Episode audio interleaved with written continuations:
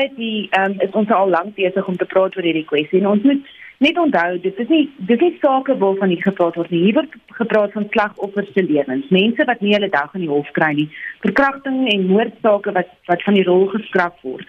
En ons voel nie die polisie en, en minister Cele praat baie, maar hulle doen werklik min om hierdie krisis wat al laas jaar Junie begin het um op te los. So jy weet hulle sukkel besoek met verkryging van van chemie en ander items in die laboratorium om die om die toetse te doen en sedert maart laas jaar kon hulle net 14 kontrakte finaliseer om hierdie hierdie materiaal te kry. So die polisie onder leiding van van minister Cele vat net nie hierdie krisis ernstig genoeg op nie. Die nuwe DNS oorsigraad is verlede jaar aangewys juis om hierdie probleem te pak. Wat het daarvan geword? Weet jy wat se dan hulle op hierdie stadium skitter hulle in hulle afwesigheid.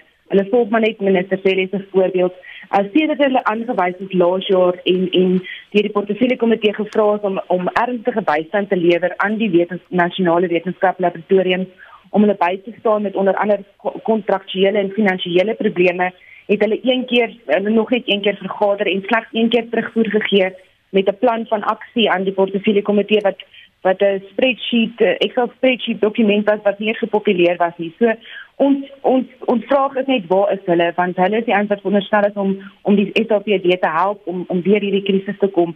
Ehm um, jy weet hulle hulle verdien groot salarisse en as 'n etiese raad is hulle is hulle op hierdie stadium besig om oneties op te tree. Ehm um, en en mens kry hulle nie in die hande as jy as jy as jy antwoorde uit hulle uitsoek nie.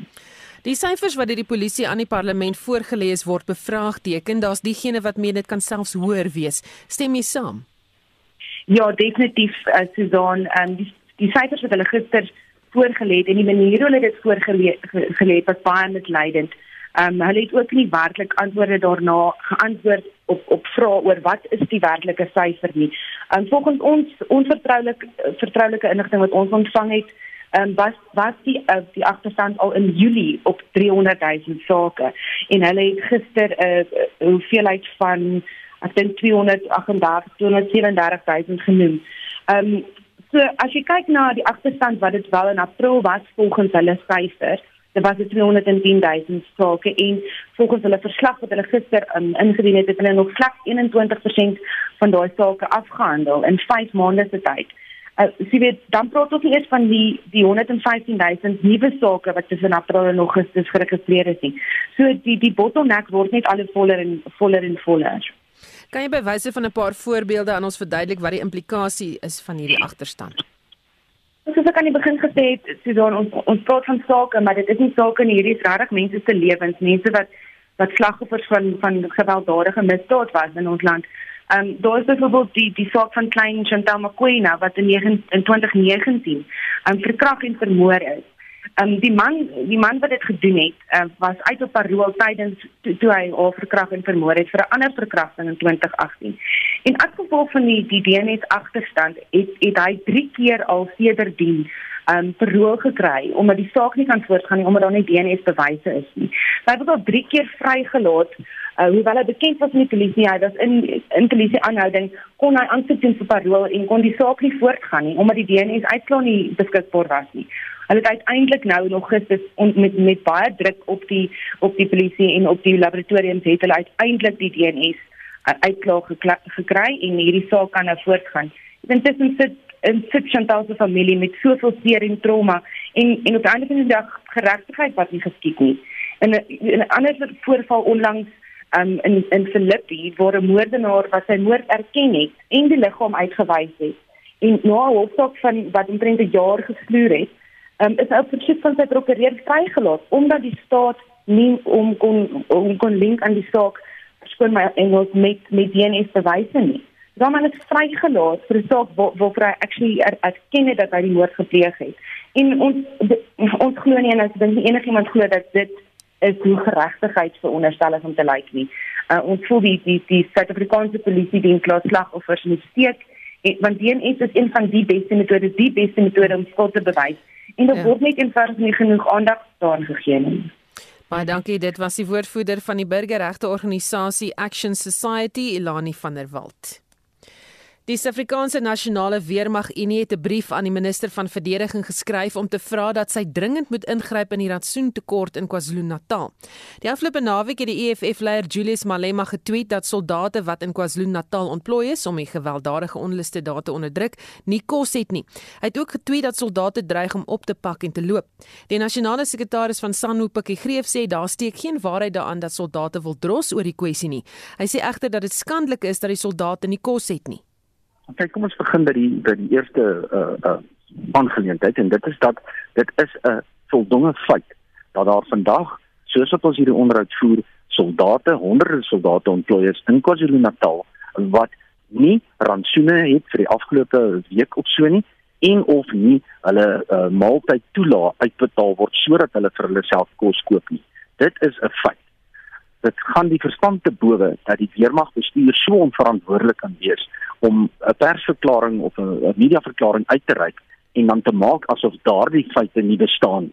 Wat is julle optrede nou in hierdie verband? Al ons optrede in die verband is aangesien dit ons onaanvaarbaar is dat daar selfs op sekere vlakke bevelvoerders was wat by ons geklaar hulle eie geld moes uithaal om hulle troepe kos te gee. Aangesien dit vir ons onaanvaarbaar is dat ons troepe ontplooi word en hulle nie behoorlike voedsel of maaltye meer voorsien word nie omdat daar allerlei logistieke probleme ondervind word.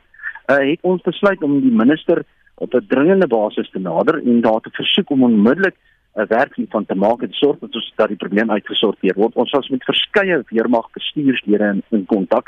Niemand van hulle in die hoë range en in die topbestuur kon vir ons 'n oplossing bied nie behalwe beloftes wat dag na dag hernie word en en dan net glad nie materialiseer nie en ons het dus besluit om deur ons prokureurs die minister te laat weet indien sy nie baie dringend in hierdie aangeleentheid gaan optree nie dat ons geen ander keuse gaan hê as om howe te nader om die weermag te dwing om met 'n baie dringende plan vorendag te kom. So hoe beïnvloed dit die soldate as hulle byvoorbeeld werk sonder behoorlike rantsoene? Kyk jy weet Napoleon het gesê dat 'n weermag kan nie marseer uh, op 'n leë maag nie. En dit is dit is net 'n ou militêre uh, sê ding wat wat totaal die waarheid is. Wanneer soldate ondervoed is en nie behoorlik uitgerus, toegerus en gevoed word terwyl hulle ontplooi nie, dan is dit uh, uiteraard van hulle moraal daal en as hulle moraal daal, dan gaan dissipline eers by die deur uit. Hulle motivering gaan by die deur uit. Uh, Daar's eintlik geen doel om hulle te ontplooi. Daar is baie van hulle wat die wens uitgespreek het dat hulle eerder sou teruggestuur word na hulle tuiseenhede as om ontplooi te bly in hierdie omstandighede. En en mense moet ook natuurlik vir on, onmiddellik uh, die diegene en politikuste verdoem wat uh, hierdie ongegronde uh, uh, uh, ringtelegramme versprei wat soldate nou sommer net van self wil wegloop van die ontplooiingsarea. Dis absoluut te twak. Ons soldate is nie so ongedissiplineerd nie, maar ons soldate het die reg om reg behandel te word en so soldate behandel te word deur hulle bestuur. Hoe lank het die minister om te reageer op julle versoek? Ons het net vir die minister voor 'n uh, uh, spesifieke spertyd gestel nie. Uh, ons het gehoop dat sy die dringendheid daarvan sal insien. Ons monitor die situasie vandag en ons gaan môre 'n besluit neem oor of ons gaan litigeer of nie afhangend van verwikkelinge deur die loop van die dag. Dit was die nasionale sekretaris van SANU Pikkie Greef. Die woordvoerder van die Suid-Afrikaanse Nasionale Weermag, Brigadier-generaal Mafi Mogabosi sê hy moet erken dat daar wel 'n probleem was met die rantsoene van die soldate en dat die weermagbestuur jammer is dat dit gebeur het. Mogabosi sê hulle werk hard daaraan om die probleem op te los. Okay, ma'am, let me I will be honest with you when I answer this question of uh, of this thing of food. We issue a statement I think two days ago. Mm-hmm. I don't know that you saw the statement. Yes, the one that says um, South African National Defence Force scoffs at social media comments. Yes. Right. Okay. Yeah. All right. Ma'am, let, let me say this that uh, when it comes to the thing of the ration and the payment of what, the payment of uh, meals allowance for deployed soldiers, in particular in the province of the KZN, mm, there were challenges. Mm. There were challenges. These challenges they were caused by administration, administrative challenges, which at the end it led to the find out that our troops were not being paid their meal allowance. At the present moment, like I have said on on Monday, we had a meeting signed to resolve the issue. At the present moment, our troops are being paid uh, the meal allowance. The meal allowance, just to explain, the meal allowance is substitute the rations. All right. Yes. Yes, is substitute duration. At the present moment, the payment of our troops, they are doing the second phase now. The, the first phase was done, and now it's the second phase where they are paying our troops uh, all the money for the meal allowance. The meal allowance is the money they are using the horse. Uh, the places where I deploy some of them is the remote areas where we don't have these units around there which they can be able to provide them with what uh, with their rations uh, work rations. So far, we give them meal allowance so that our soldiers they can be able to go and buy something for themselves uh, during their deployment. Mm. The situation that the federal government is under control of the government, uh, but the only thing which I wanted to say, honestly, yes, we had the challenge on the issues of the ration pack and to provide our troops with the meals.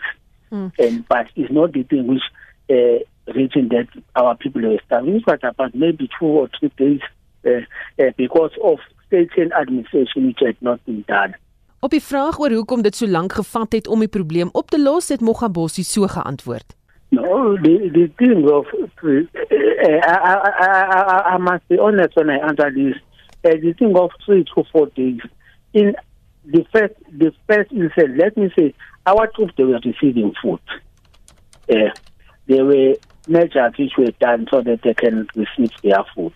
But when there was a change of the command, because the operation before it was in the army and then it was taken by you know the our operation the KZN operation it was an operation which was uh, although it's off profile under the CJ of but the operation was uh, the army was running the operation but it was decided that the operation, the that must go back to the city of. You see, during that time of changing the operation to uh, to the CJO, this where things lapse. There was mm. a lapse of the things uh, uh, when they were changing to be taking the operation back to the CJO. That is why there was some delay in others. I understand. I fully, I fully feel I, I, I'm the one who was very angry when I heard that. I was very angry. That you cannot let our people go uh, without ration for even for one day is, is not a good thing. Dit was die woordvoerder van die Suid-Afrikaanse Nasionale Weermag, Brigadier-generaal Mafi Mogabossi. Jacob Zuma se regspan het nie by die spertyd gehou wat die Hooggeregshof in Pietermaritzburg aan sy regspan toegestaan het vir sy dokters om 'n verslag oor sy mediese toestand in te dien nie. Die verslag moes onder meer aandui of Zuma medies geskik is vir sy korrupsieverhoor. Ons praat nou hier oor met die strafregkenner aan die Universiteit van Pretoria, professor Llewellyn Kloos. Goeiemôre Llewellyn. Goeiemôre. Zuma se regspan het aangedui hulle sou gereed wees om die mediese verslag teen 20 Augustus in te dien. En watter lig dink jy beskou regter Piet Koen dit dat hulle nie die spertyd gehaal het nie? Wel, dit was 'n direkte opdrag van hom, so ek dink nie hy's baie ingenome met die huidige toedrag van sake nie. Ehm um, ek dink die minste wat uh, Zuma se regspan kon gedoen het as was om dit vir die regter dien ooreenkomstig in te lig en te versoek vir 'n verdere uitstel of miskien om in te lig wat die verwikkelinge is en die redes vir die oponthoud. Nou die beste vir my wete is daar nie sodanige uh, versoek aan die regter gerig nie en nie eers te praat van die teenkant nie met ander woorde die staat nie. Ehm um, soos wat ons hierso sit, het hulle met, met ander woorde dood eenvoudig hulle uh, net nie gesteer aan die uh, instruksie van die hof nie en kan uiteindelik geïnterpreteer word as minagting as jy my vra. Dit gesê, Ehm um, wil dit vir my voorkom of die enigste redelike afleiding wat dan nou gemaak gaan word deur die regter is dat uh, daar nie meriete in hierdie ehm um, verslag sal wees nie want andersins was daar mos nou geen rede gewees om dit nie dood eenvoudig te openbaar en bekend te maak nie. So ehm um, ek is versigtig optimisties vir die staat dat daar miskien meriete was in hulle versoek om hulle eie tweede opinie te kry oor die geldigheid van daardie mediese sertifikaat. Die volgende hofdatum is 9 en 10 September. Dit is wanneer Zuma se aansoek aangehoor word dat die staatsanklaer advokaat Billy Downer homself van die korrupsievoor moet verskoon. Wat dink jy gaan daar gebeur? Ja, kyk, ehm um, die doel van hierdie uh hierdie versoek onlangs uh en die mediese sertifikaat was om juis uh voorsiening te maak vir die afwesigheid van voormalige president Zuma. Ehm um, wat wat wat hierdie toedrag van sake heidaglik aan betref, is die saak neergeplaas vir daardie datum vir argumente. So uh die die die scenario is dood eenvoudig dat die regter waarskynlik daarop gaan aandring dat hulle hom toespreek oor die uh oor die meriete van die aansoek beide kante gaan aangehoor word en dan moet 'n uh, bevinding gemaak word want dit is bepalend vir die voortsetting van die saak. Uh, jy sal onthou hierdie is 'n preliminêre uh uh uh kom ons noem dit dan nou maar pleit wat in terme van artikel 106 van die strafproseswet geopper is. Dit beteken alvorens daar nie uitsluitsel oor daardie aspek is nie kan die res van die verrigting nie voortgaan nie. En hoe gouer daar uitspraak daaroor kom, hoe gouer kan die saak uh, dan in doodgewoon gaan. As die staat suksesvol is in hulle opponering van die aansoek, dan gaan Billy Downer dood eenvoudig aangaan met die saak. Sou die verdediging slaag vir een of ander rede en ek moet vir jou sê ek is uh, ek ek, ek, ek dink nie daar's regtig uh Marite in daardie argument nie maar sou hulle slaag dan moet uh, Billy Downer dood eenvoudig vervang word met 'n ander bevoegde staatsaanklaer uh maar dan gaan dit beteken dat die saak waarskynlik dan verder vertraag word want iemand sal hom dan self moet instudeer op die stukke op en nie die suur. Hm. So daar's nie weet da, sal 'n verhoordatum dan nou daarna jy weet eers bepaal word. Ja, ja, ja nee, dit is ja. dit is tog duidelik want wat gaan gebeur is uh die uitspraak gaan bepalend wees of ehm um, wil die owner dan die die saak vir die staat voortgaan mee uh, in watter geval dit 'n relatiewe kort uh, uitstel kan wees want hy is reeds op hoofde van saak ek meen hy is hy is betrokke by die aangeleentheid van die begin af. Ehm um, sou dit 'n nuwe aanklaer wees uh, wat hom moet vervang as gevolg van die suksesvolle aansoek moontlik van die verdediging dan uh, is dit 'n totale ander uh, situasie natuurlik want dan beteken dit 'n uh, 'n nuwe staatspan sal hulle self moet instudeer op die agtergrond van die saak deur al die uh, materiaal moet werk, die getuienis moet deurwerk, konsulteer en dis meer wat beteken ons kyk dan na 'n redelike lang uitstel. Baie dankie, dit was die strafregkenner verbonde aan Universiteit van Pretoria, Louwelen professor Louwelen Kerloos. Daar was 'n beduidende toename in die aantal vals begrafnispolis eise in 2020. Volgens die Suid-Afrikaanse Vereniging vir Besparing en Belegging of ASISA, is daar 12% meer valse eise in 2020 ingedien as in 2019 ter waarde van 587,3 miljoen rand. Die voorsitter van die ASISA staande komitee vir forensiese ondersoeke, Megan Govender sê, 31% van die vals eise het uit KwaZulu-Natal gekom, gevolg deur 16% uit die Oos-Kaap. It's on individual policies, and obviously, you know, our member companies have controls in place to identify fraud as and when they happen. And and last year we we, uh, we identified 2,282 policy uh, policies in total uh, claims in total. There was some aspect of fraud involved there. And it, it ranged from misrepresentation and uh, material non-disclosure to, you know, uh, fraudulent documentation, syndicate uh, involvement. And uh, obviously there was some where there was uh, beneficiary involvement in the death.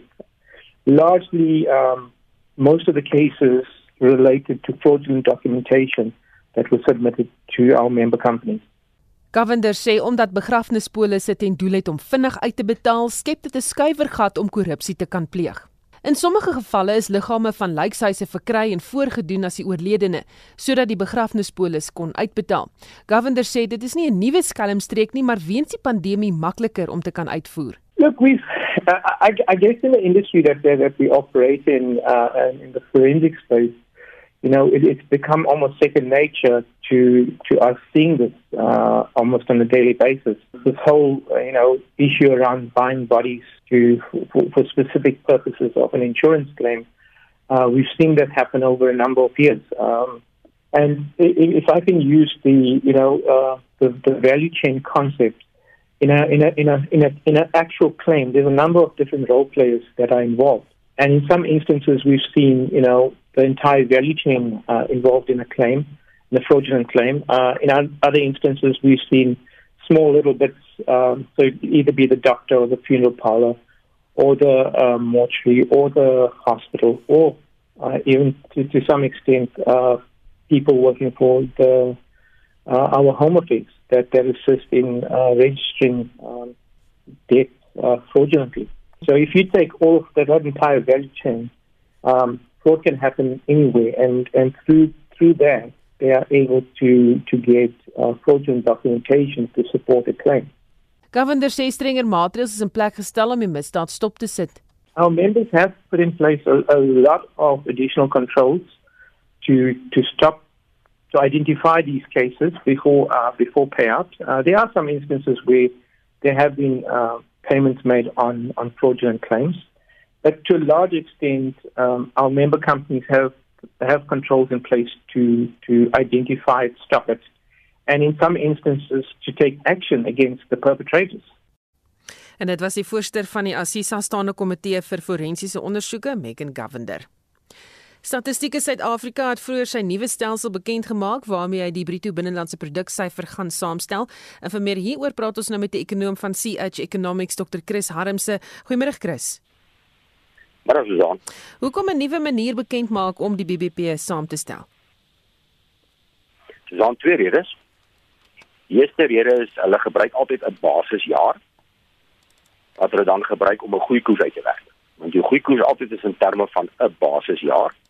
Dit is byvoorbeeld inflasie ook as 'n indeks en die indeks is in terme van 'n gegeewe basisjaar waar dan die indeks gelykstel aan 100. Uh die basisjaar verander nou van 2010 na 2015. Dis die eerste dis die eerste rede. Die tweede rede is ook soos wat meer inligting en data en nuwe metodes beskikbaar is en ook die nuwe en, en ook nuwe databronne. Dit die die aard van die ekonomie, sy omvang ensovoorts verskil dan vanaf uh vorige berekenings. Die belangrikste hier is is uh wat almal eintlik sal vra is is daar nou 'n verskil in die ekonomiese groeikoerse per jaar en is hierdie ding dalk miskien nou bietjie kunsmatig 'n hoër of laer as wat veronderstel is om te wees. Beide metodes wys dat die groeikoerse die groeikoerse is waarskynlik wat men adsies is met die groot mate presies omtrent dieselfde. So dit gaan nie oor die groei nie, dit gaan oor die omvang van die ekonomie. Ek wou net vir gevra het met hoeveel verskil die BBP dan nou? Die die werklike totaal, uh die nominale totaal uh, verskil. Ek sou nou verduidelik. Maar as jy na die groeikoers gaan kyk in die nuwe basisjaar, is daar weinige jare waar ons 'n verskil het. As ons dan van 2011 vat onthou die vorige basisjaar is 2010. As ons byvoorbeeld net vat in 2011 is volgens die nuwe metode die ekonomie gegroei met 3.3 en die ou metode 3.2. So daar is weinige jare waar dit 'n verskil is. Uh dit was wat kry net in 2012 waar ons 'n 2% groei uh hoër gehad het in die ou metode 2.4 teenoor nou so 2.2. Um Verder is dit vir omtrent elke jaar presies dieselfde. Ons het net 'n groot afwyking gehad ook in 2016 waar volgens die nuwe metode die ekonomie gegroei het in 0.4 terwyl in die ou metode die ekonomie groei met 0.7. Dis 'n groot afwyking. Maar net die net daarna, die volgende jaar is daai punt 3% omtrent weer ingehaal. Hierdie feit dat die nuwe metode die ekonomie weer gegroei het in 1.4 en die ou metode 1.2. So oor die 10 jaar is daar uh, maar iets soos omtrent 'n punt uh 1 na punt 2 verskil. Uh tussen tussen die metodes en ek dink die rede hoekom die ekonomie nou so bietjie so punt 2 uh, hoër oor die tyd is is as gevolg van beter data wat ingesamel is. Ek dink veral by die informele sektor waar meer waardes bekend is. Uh en uh dit is dis natuurlik op die oomblik 'n baie met beter metode wat die Reservebank gebruik omdat hy natuurlik beter data is uh um data um bronne het. En is daar elemente wat nou in ag geneem word met die samestelling wat jy interessant vind wat jy graag die uitkomste dan wil wou sien? Ja, definitief. Ehm um, wat dit veral is dis veral by die sektore. Uh ons weet byvoorbeeld dat iets soos uh die finansiële sektor uh die uh, uh eiendomssektor en besigheidsdienste het geweldig baie gegroei in hierdie tyd as weet ons weet die informele sektor aktiwiteite het ook baie sterk gegroei. Uh ander sektore soos toerisme byvoorbeeld wat aanvanklik baie sterk gestyg het tot verlede jaar en nou.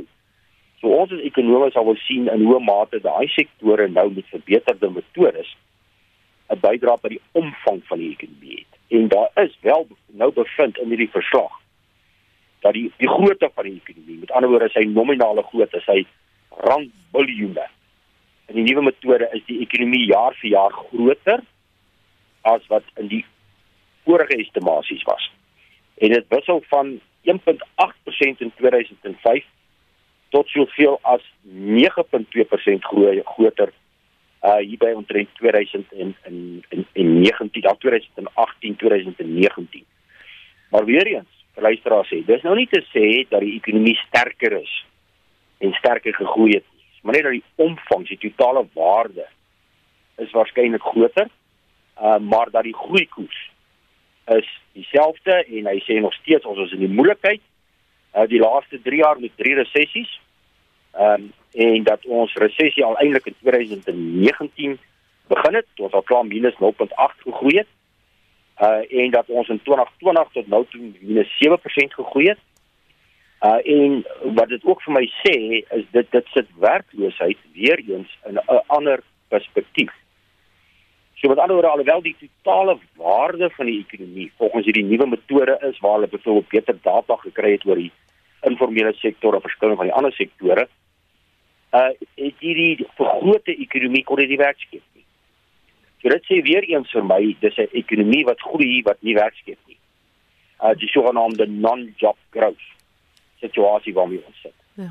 So ons as ekonomie stel belang hoe werk die verskillende sektore, wat is die verskille in die in die, in die verskillende sektore uh en in hoe mate dit ons vorentoe ons kan gerus slaap dat die metode wat die Statistiek Suid-Afrika gebruik 'n verbeterde metode is waar mens beter data kan kry en dan natuurlik dan beter projeksies kan doen en die ekonomie beter kan evalueer. Baie dankie, dit was 'n ekonom van CH Economics Dr. Chris Harmse. Spectrum, jou middagnuusprogram op RSG.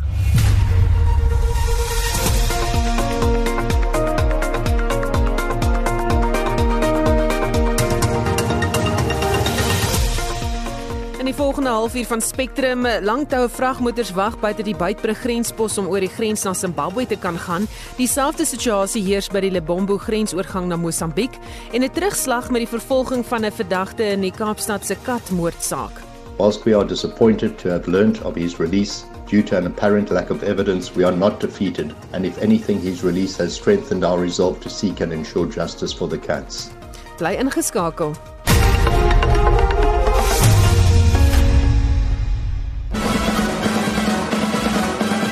James Bond. Uh uh, Vincent van Gogh.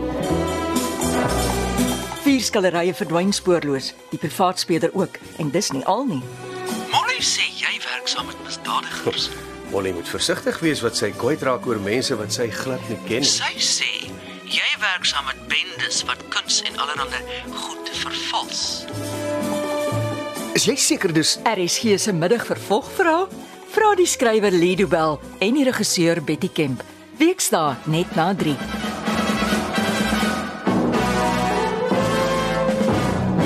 Wie James Bond die van? Mats, kom luister gerus op Woensdag om 20:07 die aand na nog 'n opskud storie. Dan vertel ek julle van 'n skaapwagtertjie wat haar skape verloor het.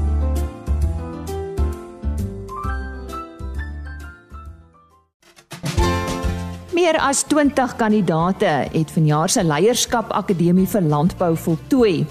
Donderdagoggend by RC Landbou hoor ons hoe hulle dit ervaar het.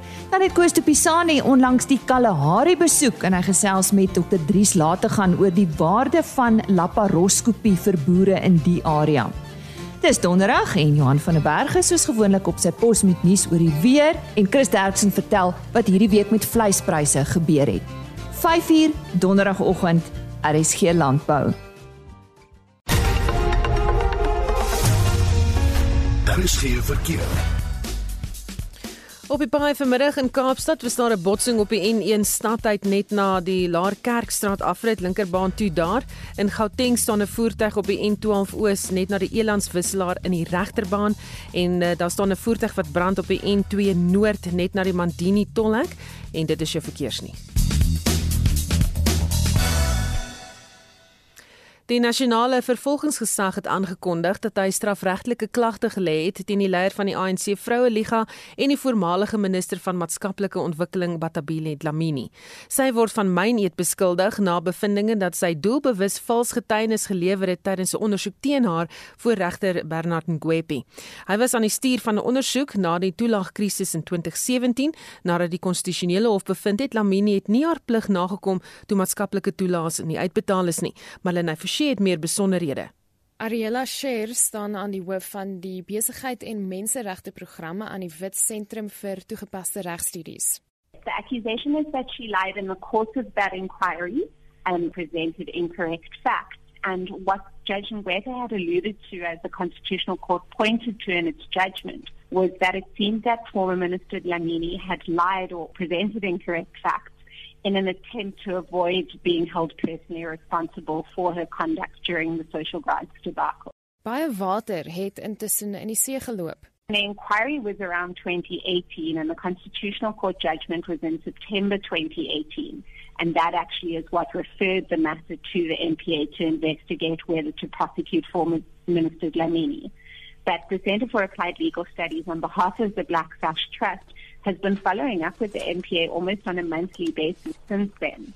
And that's why we were, we were informed last week about the pending prosecution. But we do agree that it, three years seems like a very long time to decide whether to prosecute him. Dis nog op hierdie stadium moeilik om te bepaal wat met Lamini gaan gebeur indien sy skuldig bevind word. It's a common law offense and there's no minimum sentence which applies. So it can be anything from a fine to from imprisonment of one month up to anything about 10 years. But I think what's important for us to highlight is that it is an incredibly serious offense. The allegation is that she committed the offense in the course of her conduct as a minister. So we think that's particularly important and, and adds weight to the seriousness of the alleged offense. Dit was Ariela Sheer, die hoof van die besigheid en menseregte program aan die Wit Sentrum vir toegepaste regstudies.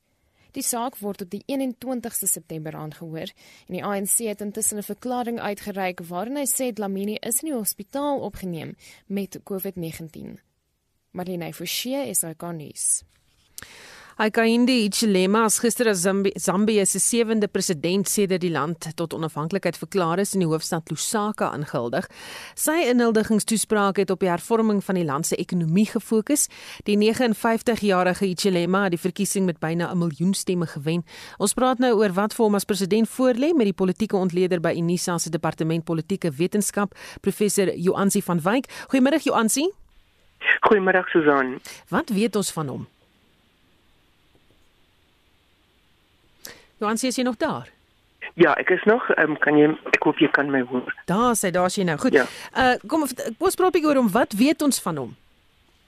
Ehm um, dankie Susan. Hy is 'n um, Zambiese sakeman wat sy ehm um, rykdom bymekaar gemaak het in verskeie sektore soos byvoorbeeld ehm um, boerdery, um, finansiële dienste sektor, toerisme en ook in gesondheidssektore. So hy het omtrent al vir 6 keer van tevore probeer om aan hierdie presidentsiële verkiesings deel te neem, maar was nog nie geslaag daaroor nie. En daarmee nie en hy het ook 'n paar ehm um, kere in die tronk beland van wie sy politieke uitgesprokenheid en dan ook sy demokratiese ambisies. So hy het dan nou um, uiteindelik die verkiesing gewen met 'n baie um, interessante veldtog soos wat ons nou in die nuus gevolg het. En ja, hy kom nou aan bewind in 'n tyd wat die land natuurlik onder geweldige druk is, um, ekonomies gesproke, maar ook dat nou polities geweldig verdeel is. Nou het jy net gefokus op die hervorming van die ekonomie. Watter groot uitdagings het hy? Goed, ons weet dat die Zambiese ekonomie is geweldig afhanklik van kommoditeitspryse soos onder andere koper wat nou mos maar die die die groot ehm um, ehm um, deel van hulle ekonomie ehm um, weet voor onafhanklik in 64 en daarna gedoen het. Maar ons weet die koperpryse het nou aansienlik die afgelope jaar toevallig ehm um, ten tye van die COVID COVID uitbraak laas jaar het, het die koperpryse ehm um, aansienlik ontwikkel en en gegroei. Dis nou omtrent 4 dollar ehm um, 'n pond. Ehm um, so dit is die een probleem is dat hulle het 'n dekade lange swak en wisselende koperpryse gehad wat dan nou natuurlik nou 'n impak het op hulle ekonomie. Die ander uitdaging is dat hulle het geweldig baie buitelandse staatsskuld onder die vorige president um, opgebou.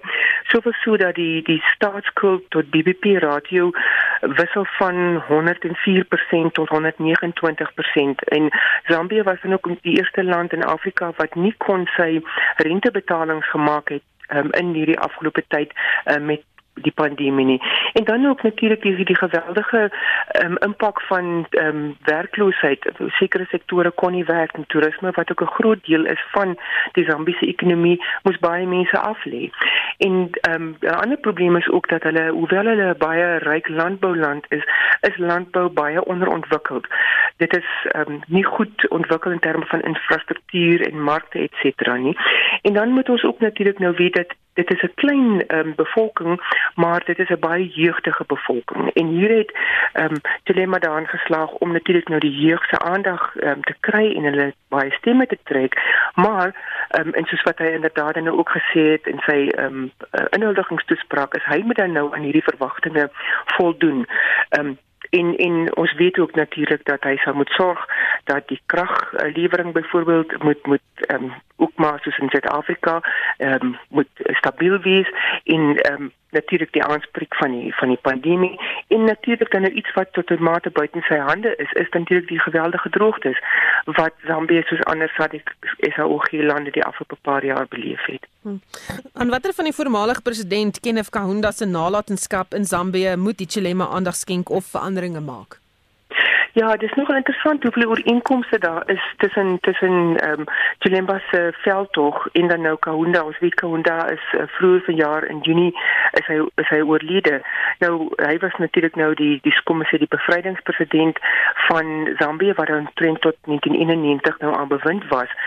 Hoewel Kaunda natuurlik nou soort van 'n nalatenskap het wat baie verdeeld is in terme van hoe waar het Zambië gestaan, maar hier sien ons tog dat die Chilemba daarin geslaag om om homself te posisioneer amper hierdie nostalgie na hierdie periode in in ehm um, na die na die stabiliteit wat onder Kaunda geheers het.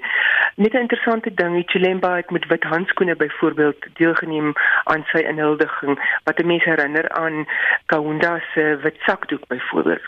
Ehm um, na Kaunda verwys na die vader van die nasie en daar's na Chilemba verwys as Bali wat ook 'n vaderfiguur verwysing is. So ehm um, Kaunda het die land baie ehm um, uh, verenig en ons sien nou dat die Chilemba se politieke party is dan die Verenigde Party vir Nasionale Ontwikkeling wat tot 'n mate dan ook ooreenstem met die die van Kaunda um, die klem op nasionale ontwikkeling die UNIP party um, wat uh, die United um, Independent Party van van die van van Zambia was. So dit lyk my asof daar 'n groot klem gaan wees op dan nou op ekonomiese hervorming. Ons weet dat Kaunda dit ingestel het, weer eens 'n diversifikasie van die van die ekonomie en natuurlik nou wat die Chilemba mense het is natuurlik die groot staatsskuld probleem wat hy sal moet aanspreek en ons sien dat hy ook dan nou um, korrupsie in sy um, teken is sy teken het en ons sien dat hy alreeds daar begin het om van die korrupte regerings um, um, amptenare en meelopers van uh, die voormalige president nou begin aantree het. So dit is van die groot probleme wat hy sal moet hê. Natuurlik is die kommoditeitspryse van koper en ander edelstene wat die land ook myn dan nou buite sy beheer. Maar ehm um, hy sal moet ook fokus op die vereniging van 'n verdeelde samelewing. Ehm um, en en hy het homself dan ook geposisioneer rondom hierdie een Zambië, een nasie, um, wat ook dan nou 'n teruggrype is na die Kaunda um, periode. Baie dankie. Dit was die politieke ontleder by Unisa se departement politieke wetenskap professor Joansi van Wyk. Die Paralimpiese spele het gister amptelik begin en Suid-Afrika word deur 34 atlete verteenwoordig. Hoewel daar geen amptelike verwagtinge van die span is nie, bring hulle gewinne 'n goeie oes van goud, silwer en brons medaljes huis toe. Andrew Parsons van die internasionale Paralimpiese komitee het dit tydens die openingsseremonie benadruk dat vanjaar se atlete minstens 1,2 miljard mense wêreldwyd verteenwoordig. I cannot believe we are finally here. Many doubt this day would happen. Many thought it impossible, but thanks to the efforts of many, the most transformative sport event on earth is about to begin. Suid-Afrika het sy kleinste span sedert 1992 gestuur, maar die atlete is slaggereed om deel te neem in 7 van die 22 kategorieë, saam met minstens 4300 ander atlete. Japan word deur die meeste atlete verteenwoordig met 254 deelnemers. 162 lande het ingeskryf waarvan 5 hul debuutverskyning maak. You are the truth. You are amazing. You choose to be the greatest in whatever the plan is. Your performances will change the fortunes of your lives. But most importantly, they will change the lives of 1.2 billion forever. This is the power of sport. to transform lives and communities. Die spele word beskou as die hoogtepunt van die We the 15 veldtog. Dit beklemtoon dat 15% van die wêreld se bevolking met gestremdheid saamleef en uitstyg bo omstandighede. Dit spes hom toe op insluiting op alle vlakke van die samelewing. Vir die volgende 13 dae gaan die atlete die spulpunt wees waarom sportnuus draai wat deur minstens 4,25 miljard toeskouers gekyk gaan word. Die verslag van Simon Burke Marlene Forsie is ikonies. Een van die deelnemers van vanjaar se spele is Irmgard Ben Susan. Sy is in Suid-Afrika gebore en getoe, maar verteenwoordig Duitsland in die vroue 100 meter en 200 meter. Sy het vroeër vanuit Tokio aan Marlene gesê die werklikheid het gisteraand behoorlik tydens die openingsseremonie ingeskop. Hele jaar of hele 2 jaar vanaf corona daar is, was 'n deeltyd van gaan dit nou plaasvind, gaan dit nou nie plaasvind nie hoe gaan dit plaasvind, wat gaan gebeur en gister met die openingsseremonie het dit eintlik soos soos ek lig aangaan soos okay, ja, dis is hier begin vind plaas. Dit is regtig soos wonderlik. Sy berei nou reeds 5 jaar lank voor op die geleentheid, maar haar reis tot hier het reeds in 2009 begin. Ek was atleet voorheen en toe val ek oor 'n hekkie en toe skeer ek my ligament, breek my been en skeer my senuwee. Dit was 'n lang proses waar ek met depressie gelei het, ek het aan eetgewoontes gelei en dit was 'n lang proses voor ek eintlik vir myself kon sê weet wat ek het die ongeluk aanvaar en ek wil weer hardloop. Mense lewe is gereeld so waar jy val en moet jy opstaan en verder maak. En dit was nie net die ongeluk nie, maar dit was dit ek nie geklassifiseer kon word in Suid-Afrika nie. Dit was gereeld beserings. In 'n mens se lewe is daar altyd so baie swaar kry, maar aan die einde is daar ook so baie mooi wat uitkom. Dis juist wens die aard van die permanente skade dat sy onder die Duitse vlag deelneem.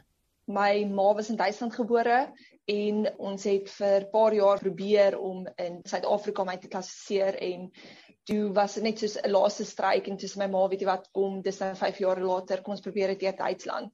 Daar was geen ander paai wat ek net in Suid-Afrika kon loop nie was en toe gaan ons Duitsland toe en hulle het my gehelp met my klassifikasie en vanaf 2014 was ek geklassifiseer. Hierna het 'n hele nuwe hoofstuk op haar gewag. Dit was groot aanpassing. Ek kon skaars 'n woord Duits praat. Mense dink dit is net die taal, maar dis soveel groot aanpassings. Ek het gesukkel met hulle te kommunikeer. Dit was die kos wat ek gewoonlik by die huis geëet het wat ek nou moes aanpas. Tot vandag toe sukkel ek nog met klein goed wat hulle doen. 'n Keer sê ek iets en ek bedoel dit nie sleg nie, maar hulle neem dit sleg op want in die Duitse kultuur is dit spraak hulle nie so nie.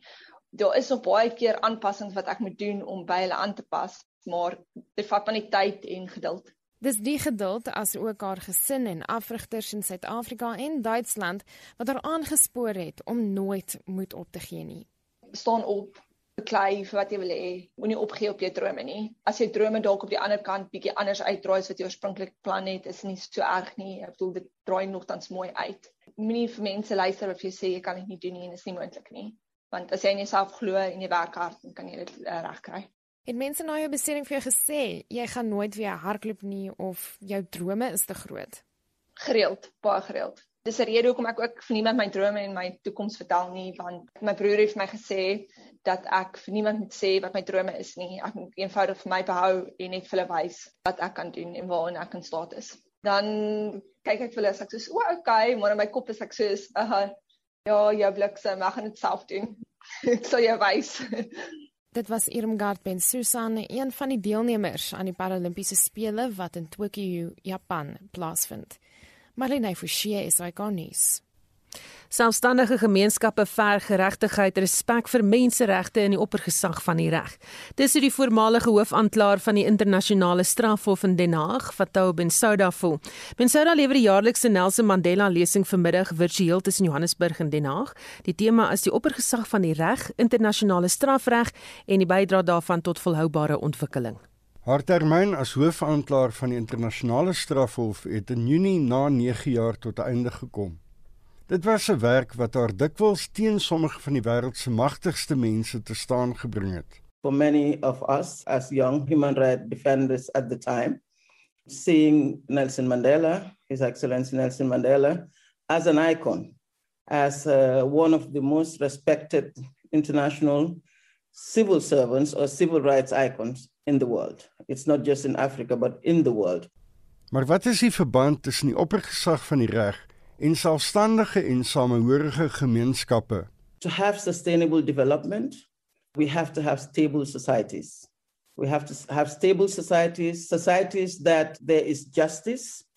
There are efforts that are being made to promote human rights and rule of law is respected. It is not a cliche when we say there is no peace without justice. It is not a cliche. I believe strongly that for societies to remain stable, we must respect at every cost the rule of law, and we must ensure that justice is always present in whatever we do. 'n Voorbeeld is die onlangse gevangenisstelling van die voormalige president Jacob Zuma. Bensouda voel dit het tot die opbou van burgers se vertroue in staatsinstellings bygedra. I bring it back to to this. We cannot allow our citizens to have a mistrust. I think part of it was that a mistrust in the institutions that we have built, a mistrust at democratic governance by, uh, by the government in place. And part of what has happened in South Africa at the time, of course, there are many, many other issues, including the lockdown, the COVID, and we've seen that happen in other societies as well. But here, again, we must come back to building strong institutions. We must come back to um, uh, creating that trust that citizens will have in the institutions that we put in place. We must ensure that those institutions are fair, they are impartial, they are about justice, and they are about respecting the rule of law. Sy het kommentaar gelewer op die hof se bevestiging in 2020 van sy aanklaer se jurisdiksie in Afghanistan om menseregte skendings te ondersoek. Dit was iets wat nie byval gevind het by die Trump administrasie in Amerika nie. For me, what was important to show was uh, the fact that the ICC first had jurisdiction, which I believe now the judges have uh, confirmed that, and also that when these crimes occur, these very, very serious crimes of uh, war crimes, crimes against humanity, when they happen, and uh, ICC has jurisdiction, ICC must conduct that work. And as I always uh, say, to do so without fear or favor. And for me, this, is, uh, this was a very good example of showing that it is not about, for instance, ICC just going after Africa or ICC. It is just about where our jurisdiction takes us, that is where we go. Die Mandela lesing is in vorige jare deur mense soos Barack Obama, Antonio Guterres van die VN en die voormalige president van Liberië, Ellen Johnson Sirleaf, gelewer. Hierdie bydra van Sherwin Bryce Peace in New York en ek is Hendrik Martin vir SAK nuus. Is jy vandag vir ons storie stop wat aan die ontwikkel is, Estie? Susan, dit het gister in die parlement aan die lig gekom dat die agterstand met betrekking tot die polisie se DNS-toetse eers in November volgende jaar ingehaal kan word. Die woordvoerder van die burgerregte groep Action Society, Elani van der Walt, sê daar word nie genoeg erns met die saak gemaak nie. Ons sou die polisie en met spesiale praat baie, maar hulle doen werklik min om hierdie krisis wat al laas jaar Junie begin het om op te los. So hulle soek op 'n voorbeeld verkryging van chemie en ander items in die laboratorium om die toetse te doen. En sedert Maart laas jaar kon hulle net 14 kontrakte finaliseer om hierdie materiaal te kry. So die polisie met leiding van minister Cyril vat net nie hierdie krisis ernstig genoeg op nie. Dan oud-president Jacob Zuma se regspan het die spertyd van 20 Augustus om 'n mediese verslag van sy dokters by die Hooggeregshof in Pietermaritzburg in te dien gemis.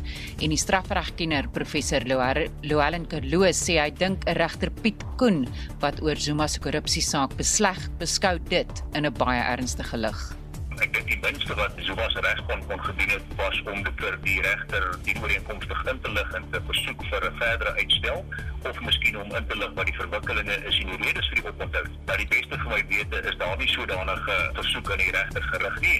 Die eerste part van die teenkant nie met ander woorde die staat nie. Die Paralimpiese spele het gister amptelik afgeskop en Suid-Afrika word deur 34 atlete verteenwoordig daar. Suid-Afrika het sy kleinste span sedert 1992 gestuur, maar die atlete is slaggereed om deel te neem in 7 van die 22 kategorieë.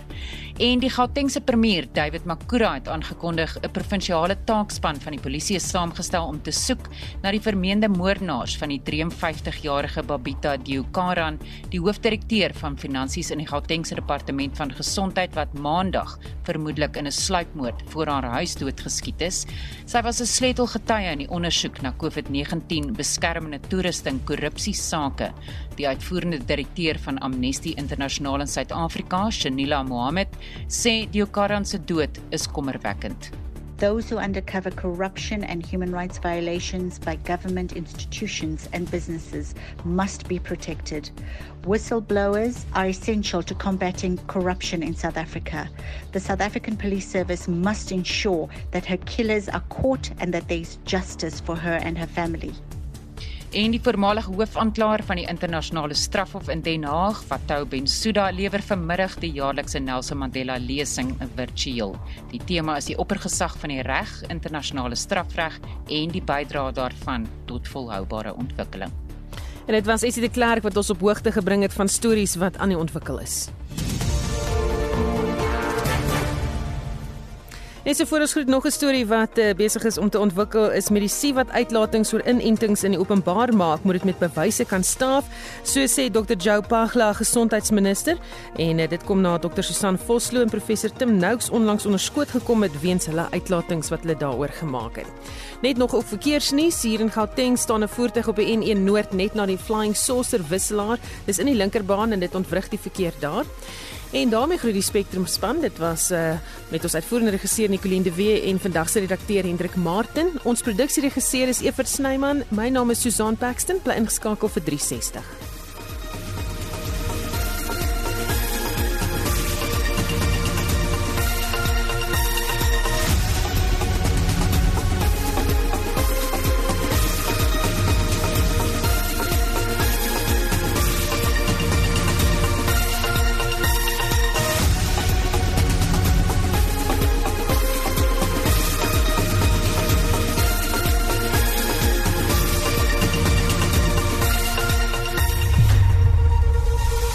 SAK nuus. Onafhanklik, onpartydig.